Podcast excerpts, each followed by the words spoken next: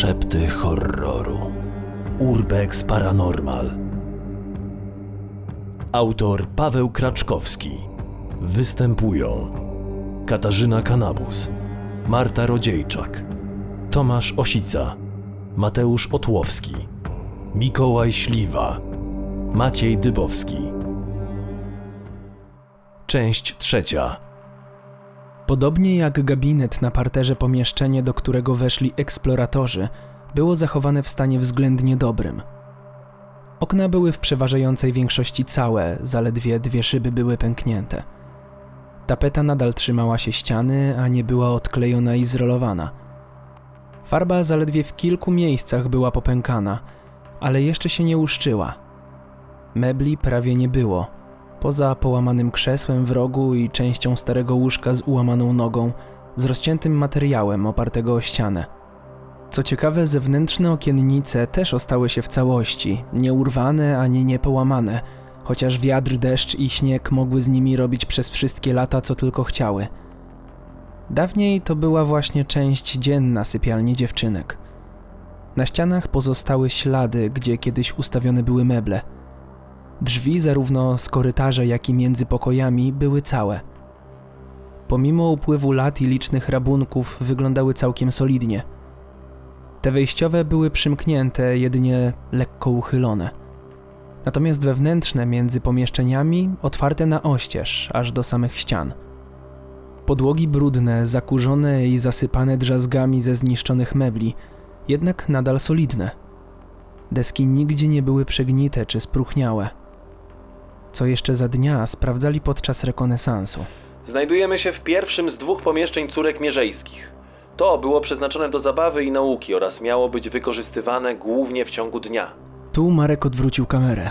Za tymi drzwiami znajdowała się właśnie sypialnia i to tu rozegrały się kolejne akty dramatu i tragedii tej rodziny. Zośka została przy sprzęcie w holu sama, ponieważ Eryk i Paweł wyszli na zewnątrz i udali się w kierunku zejścia do małej piwnicy – po drodze zatrzymali się na fajkę. Paweł nie palił, ale Eryk od czasu do czasu palił dla towarzystwa albo dla smaku. Zośka patrzyła na ekrany, wodząc wzrokiem za poruszającymi się latarkami Marka i Sylwii oraz zerkała na podgląd z zewnątrz. Widziała żarzący się papieros na obrazie kamer na podczerwień. Widok ten był wyłącznie w czarnozielonych odcieniach, jednak wszyscy byli do tego przyzwyczajeni – tak samo jak do faktu, że często czarne lub bardzo ciemne ubrania w tych kamerach świecą jasnym odcieniem zieleni. Jednak większość kamer na zewnątrz pokazywała głównie ciemność. Wszystko przez odległość do najbliższych obiektów. Była znaczna, a promienniki doświetlaczy podczerwieni raczej średniego zasięgu. Ekran podglądu pokazywał głównie szaro-zieloną trawę u dołu ekranu – kawałek muru lub ściany, który był pod obserwacją, a reszta była czarna. Zapewne przez to nie zauważyła, jak kamera numer 4 pokazująca obraz z lewej ściany i okien gabinetu nagle odwróciła się o 180 stopni. Od teraz na ekranie nadal był widoczny fragment muru, jednak kamera patrzyła w przeciwną stronę niż ta, w którą została przez nich pierwotnie ustawiona. Zośka, zgłoś się! Odezwał się Marek poprzez krótkofalówkę. Słucham, co jest? Odpowiedziała. Czy chłopaki są z tobą, czy łażą po parterze? Nie, są na zewnątrz. Eryk pali, a za chwilę idą do piwnicy. Póki co stoją jakieś 5 metrów od południowo-zachodniego narożnika. A czemu pytasz? Zdziwiło ją pytanie Marka. Mieliśmy wrażenie, że słyszymy głosy pod nami. Odpowiedziała tym razem Sylwia. W tym samym czasie Zośka podniosła głowę w górę, słysząc szybkie kroki na górze, przecinające korytarz i pokój tuż nad nią. Marek idzie zerknąć do chłopaków na zewnątrz, bo go to zaniepokoiło, a ja jestem w sypialni dziewczynek. Okej, chłopaków cały czas widzę, poza tym brak czegokolwiek na kamerach. Dodała spokojnie Zośka, zerkając po wszystkich obrazach kamer. Nadal nie zauważyła zmiany kierunku obrazu jednej z nich. Nagle nie wiadomo skąd rozległ się ogromny trzask. Kurwa! Zośka aż podskoczyła. Chłopaki na zewnątrz, jak na komendę, obrócili się twarzami w kierunku budynku. Eee, co się dzieje? Odezwał się Eryk i chyba zagłuszył sygnał krótkofalówki Sylwii, zapewne z pytaniem. To ja! Wszystko w porządku! Usłyszeli bez pomocy krótkofalówek wrzask Marka. A po chwili już z głośników dotarł komunikat od niego. Uwaga na górze. Te urwane z dolnego zawiasu drzwi. Teraz już leżą na ziemi. A mówiłeś, że miejscówka dupy nie urywa. Więc co? Sam musiałeś coś urwać? Zakpił Paweł. Ha, ha, ha. Ty lepiej na batmanki w tej piwnicy uważaj. Prześmiewco. Skwitował Marek. Luzik. Jednak natychmiast przerwał, bo z piętra znowu było słychać donośny łomot. Znowu coś demolujesz? Zapytał Paweł lekko zdziwionym głosem. Tym razem to nie my. Odpowiedziała Sylwia i zaraz dodała. Zośka, to ty? Nie. Szybko sprostowała, wezwana ze swojego punktu obserwacyjnego i natychmiast dodała. Sypialnia małżeńska, to stamtąd, sprawdźcie to. Chłopaki spytali, czy mają wracać do środka, jednak po krótkiej konsultacji zgodnie z wcześniejszymi planami poszli do piwnicy. Marek z Sylwią przeszli od razu do głównej sypialni właścicieli. Zastali tam przewrócone, uszkodzone łóżko, wcześniej oparte o ścianę, teraz leżało prawie na środku pomieszczenia. Wokoło w snopach świateł latarek wirował poderwany z podłogi kurz. Widzisz to? Zośka, widziałaś jak się przewraca? Spytała Sylwia.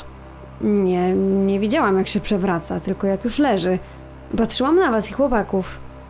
Mogło samo rąbnąć? Stało od lat. Samo raczej nie mogło. Na przeciąg, poruszenie się podłogi, ani popchnięcie przez okno czy drzwi też nie ma szans. Wszystko pozamykane i raczej nieruchome. Jedyne, co mi przychodzi na myśl, to może jakieś wibracje od tego, jak te drzwi pieprznęły na podłogę, ale raczej mało prawdopodobne. Wracamy. Odezwał się Paweł. Piwnica to pusta dziura 3 na 3 Ściany z kamienia i kompletnie nic tam nie ma. Okej, wszyscy do holu. Przegrupowanie sił i zastanowimy się co dalej. Zdecydował Marek. Już po chwili wszyscy stali znowu wokół skrzyni z monitorami. Marek opowiedział, jak zahaczył ramieniem o drzwi, kiedy szedł zobaczyć, gdzie są chłopaki. Chciał wyjrzeć przez okno na zewnątrz i po chwili walnęło po drugiej stronie korytarza. Oboje z Sylwią na moment zastygli w nasłuchiwaniu. Dopiero na informację od Zośki ruszyli do odpowiedniego pomieszczenia. Eryk zapewnił, że drugi huk był cichszy, jak gdyby zduszony, wytłumiony. Może dlatego, że z drugiej strony budynku i może przez ciężar oraz amortyzującą tapicerkę przewracającego się przedmiotu. Zadecydowali, że teraz nie będą przeglądać zapisu z kamer, żeby nie przerywać nagrania. Jednak coś nie pasowało Markowi, kiedy przyglądał się ekranom. Coś z kamerami na zewnątrz. Jeszcze nie wiedział co, ale na obrazach z nich było coś nie tak. Ustalili, że Paweł z dziewczynami mają iść na górę, a Marek z Erykiem zostają, dzielą się ekranami i dokładnie je obserwują. Zośka zaczynała swoje czary, jak zwykli mówić o tym, kiedy zabierała się do rozstawiania sprzętu. Zabrała ze sobą walizeczkę i ruszyli na górę. Od razu skierowali się do części sypialnej dziewczynek, gdzie ustawili na widoku kamer kolejny miernik pola, termometr, cyfrowy dyktafon i siatkę laserową.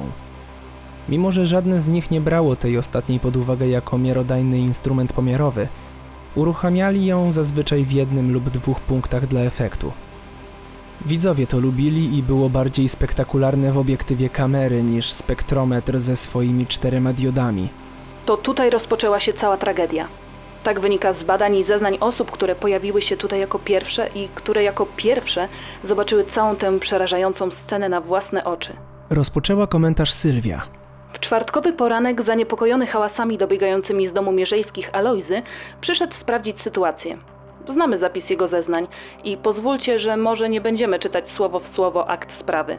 Postaramy się jednak streścić i bardziej współczesnym językiem opisać to, co tutaj zastał i do czego później doszły ówczesne organy ścigania lekarze, biegli sądowi oraz prokurator, no i ostatecznie sędzia. Jak już Sylwia wspomniała, był to czwartek rano, gdy odkryto scenę i zakres zbrodni. Jednak cofnijmy się kilka godzin wcześniej. Swoją opowieść rozpoczął Paweł, a w tle kadru skierowanej na niego kamery widać było przechadzającą się i nasłuchującą lub wypatrującą czegoś Zośkę. W środę wieczorem, koło godziny 20, Alojzy pożegnał się z rodziną Mierzejskich i udał się na spoczynek. Ignacy zdradził mu już kilka dni wcześniej, że w związku z zatonięciem statku wiozącego fracht z Indii do Holandii stracił tym samym bardzo dużą część majątku, gdyż po raz pierwszy postanowił zaryzykować i zainwestować w tego rodzaju interes. Zrobił to za namową swojego wieloletniego przyjaciela, który sam w ten sposób inwestował i zarabiał. Ignacy nadal posiadał znaczne ilości dóbr materialnych, posiadłości i pieniędzy. Jednak przez ten wypadek jego majątek został mocno uszczuplony. Wierzyciele również dowiedzieli się o jego problemach. Zarówno bankierzy, podobnie jak inni przedsiębiorcy, z którymi prowadził interesy, bojąc się o swoje pieniądze, zaczęli naciskać na spotkania i pokrycie zobowiązań względem nich. Czas się nieubłaganie kurczył, a dobrych wieści brakowało. Wtedy na horyzoncie pojawiła się iskierka nadziei na szybkie i nadspodziewanie szczęśliwe rozwiązanie zaistniałej sytuacji. Pojawił się bowiem pewien kupiec, Kontynuował zmieniając rękę trzymającą kamerę. Biznesmen tamtych czasów, który zaoferował, że odsprzeda swój towar ze statku, który właśnie przybił do portu w Amsterdamie. Przywiózł on fracht towarów prawie tej samej zawartości co statek, który zatonął. Koszt zakupu i późniejszego zysku ze sprzedaży wyrwałby niemal do zera stracone wcześniej pieniądze. Kupiec niemal zbankrutował i nie mógł odebrać towaru od kapitana statku. A słysząc od pracowników portu o tragedii drugiej, niemal bliźniaczej jednostki, wpadł na pomysł połączenia pechowych interesów i obopólnego zysku za tym idącego. Ignacy był w stanie zapłacić jeszcze tyle za wykup towarów ze statku. Kwota ta wynosiła należność za transport, którą kapitan wcześniej uzgodnił z niewypłacalnym obecnie kupcem. Jednakże nie wystarczyłoby mu już na zapłatę za sam towar. Za ten mógłby zapłacić dopiero po jego sprzedaży. Kupiec zapytał podobno tylko o to, czy może mu zaufać, że Ignacy go nie oszuka, a tym samym odzyska pieniądze. Mierzejski miał wtedy powiedzieć, że sam wkłada w ten interes prawie wszystkie pieniądze i jedyne czym może ręczyć to jego własny honor i honor rodziny. Kupiec kazał mu przysiąc na życie żony i córek, że nie zostanie oszukany, a nowy partner w interesach odda wszystko, co mu należne, co do grosza. Obaj panowie podali sobie ręce i rozeszli się. Jeden z papierami własności towarów, a drugi z właśnie przypieczętowaną obietnicą oraz danym słowem. Nie tylko na zdrowie i życie żony oraz córek, ale również na własne. Dwa dni później wszyscy czworo zostali znalezieni martwi. Dokończyła Sylwia. Teraz zapewne większość pomyśli, że to był jakiś spisek i kupiec był jakimś naciągaczem, który wyrwał cały majątek Mierzejskiego. Potem, żeby zamknąć mu usta i żeby nie wyszło na jaw oszustwo, pozbył się niewygodnych świadków, czyli całej rodziny. Jednak w trakcie przeprowadzonego śledztwa okazało się, że sprawa miała nieco inny obrót. Faktycznie Ignacy nie miał na tym wszystkim zarobić, ale przynajmniej wyrównać straty albo wyjść na zero. Dzięki tej okazji mógł uratować honor swój i całej rodziny, spłacić zobowiązania wobec wierzycieli, przy okazji pomóc obcemu kupcowi, a zarazem swojemu wybawcy. Jednak w środę wieczorem po 21 przybył bezpośrednio do drzwi domu Mierzejskich posłaniec z informacją, że magazyn, w którym składowane były wszystkie przywiezione towary, płonie i nie da się go uratować. A co za tym idzie? Nie będzie szans na odzyskanie żadnych pieniędzy. Ignacy stał się bankrutem, co więcej, nie był w stanie dotrzymać obietnicy. Alojzy zeznał później, że jedną z osób widzianych przez niego wśród tłumu gapiów w okolicy posiadłości po zawiadomieniu policji, lekarza i prokuratora był tamten kupiec. Stał na uboczu i mamrotał pod nosem. Na życie żony, córek i własne przysięgam. Tak miał zarzekać się Ignacy i taką przysięgę potwierdził Alojzemu, kiedy zakończyło się spotkanie Mierzejskiego oraz jego rozmowa z kupcem. Dodatkowo dziadek pani Agnieszki miał w zwyczaju opowiadać wszystkim, że nie wolno w taki sposób nikomu przysięgać. Zabraniał wręcz zarzekania się w taki sposób, bo mawiał, przyjdzie kupiec i odbierze co jego. Najpierw wpajał to swojej córce, a potem również wnuczce. Ostrzegał, że kupiec, który ma w oczach szkarłat, przyjdzie z tobą targu dobić, jeśli tylko zechcesz się na czyjeś życie zaklinać. Paweł i Sylwia stali obok siebie, wspólnie referując historię widzom. Robili to do jednego obiektywu kamery. Zośka przerwała im. Podeszła do nich od tyłu, kładąc swoje dłonie na ich ramionach. Odciągnęła oboje w tył w kierunku korytarza. Na podłodze wskazała im miejsce, gdzie stało kiedyś łóżko, a obecnie widoczną tam ciemną plamę. Nie było śladów zniszczeń, tylko przebarwienie. Po prostu kształt, ślad ciemniejszy od reszty podłogi pokrytej kurzem i brudem. Teraz wszyscy troje mogli łatwiej ją dostrzec. Była lepiej widoczna pod tym kątem i dzięki kilku ruchom podeszwy butów Zośki, które starły część pyłu. To była krew żony Ignacego. Nigdzie nie udało im się znaleźć imienia żony ani imion córek. Rodzina od strony żony zadbała, aby te, jak również nazwisko rodowe kobiety, nigdy i nigdzie nie zostały zapisane czy wymienione. Również Antoni nigdy nie wymieniał ich imion.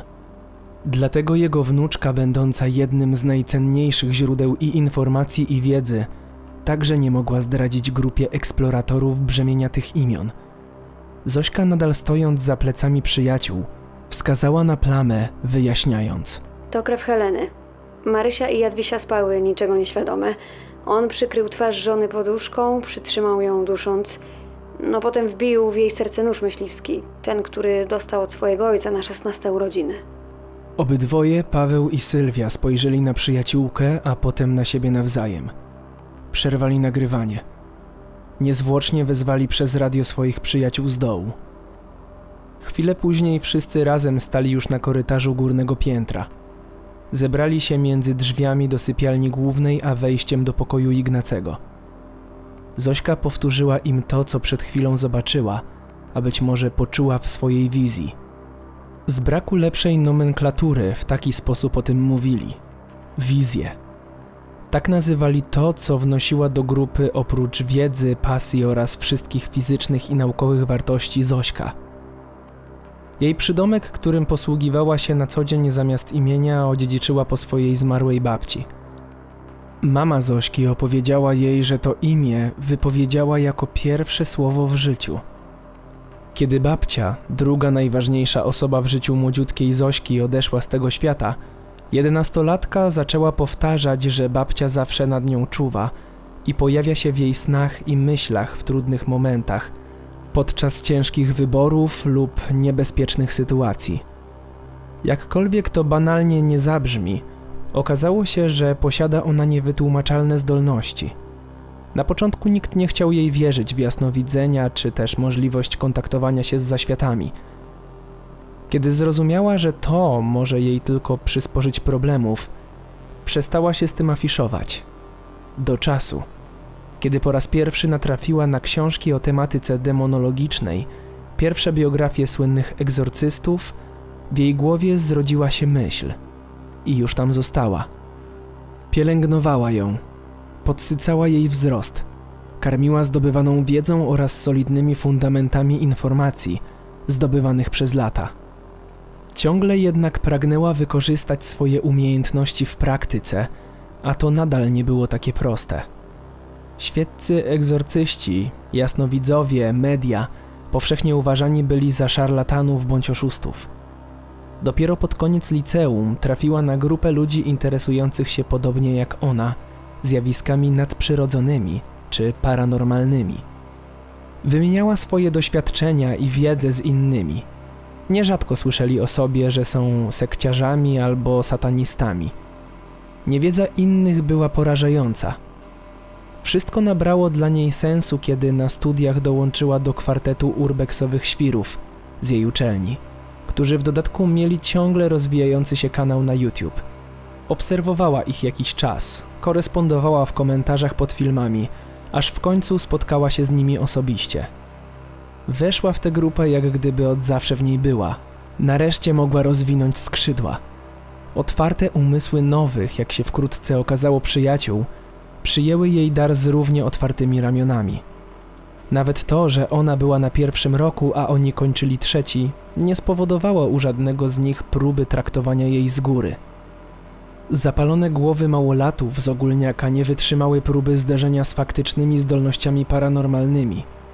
Przerażeni prawdziwymi, a nie wyobrażonymi sobie możliwościami pojmowania pozazmysłowego, nie byli w stanie dłużej sprostać wyznaniom stawianym przed nimi w postaci informacji podawanych im przez Zośkę. Marek, Paweł, Eryk i Sylwia zareagowali tak entuzjastycznie, że Zośka w pierwszym momencie pomyślała sobie, że może po prostu będą chcieli z tego zrobić telewizyjne show. Oni jednak skrupulatnie notowali, wyciągali wnioski, drążyli tematy, które ona pozyskiwała i podrzucała im w tylko sobie znany sposób. Dlatego, kiedy podała im przed momentem imiona zamordowanych w tym budynku domowniczek, nie podawali tych informacji w wątpliwość. uzupełniali lub budowali od podstaw ich wiedzę na temat właśnie tego miejsca. Nie był to w końcu pierwszy raz, kiedy jej kontakty w świecie duchów stanowiły podstawę ich dalszych badań.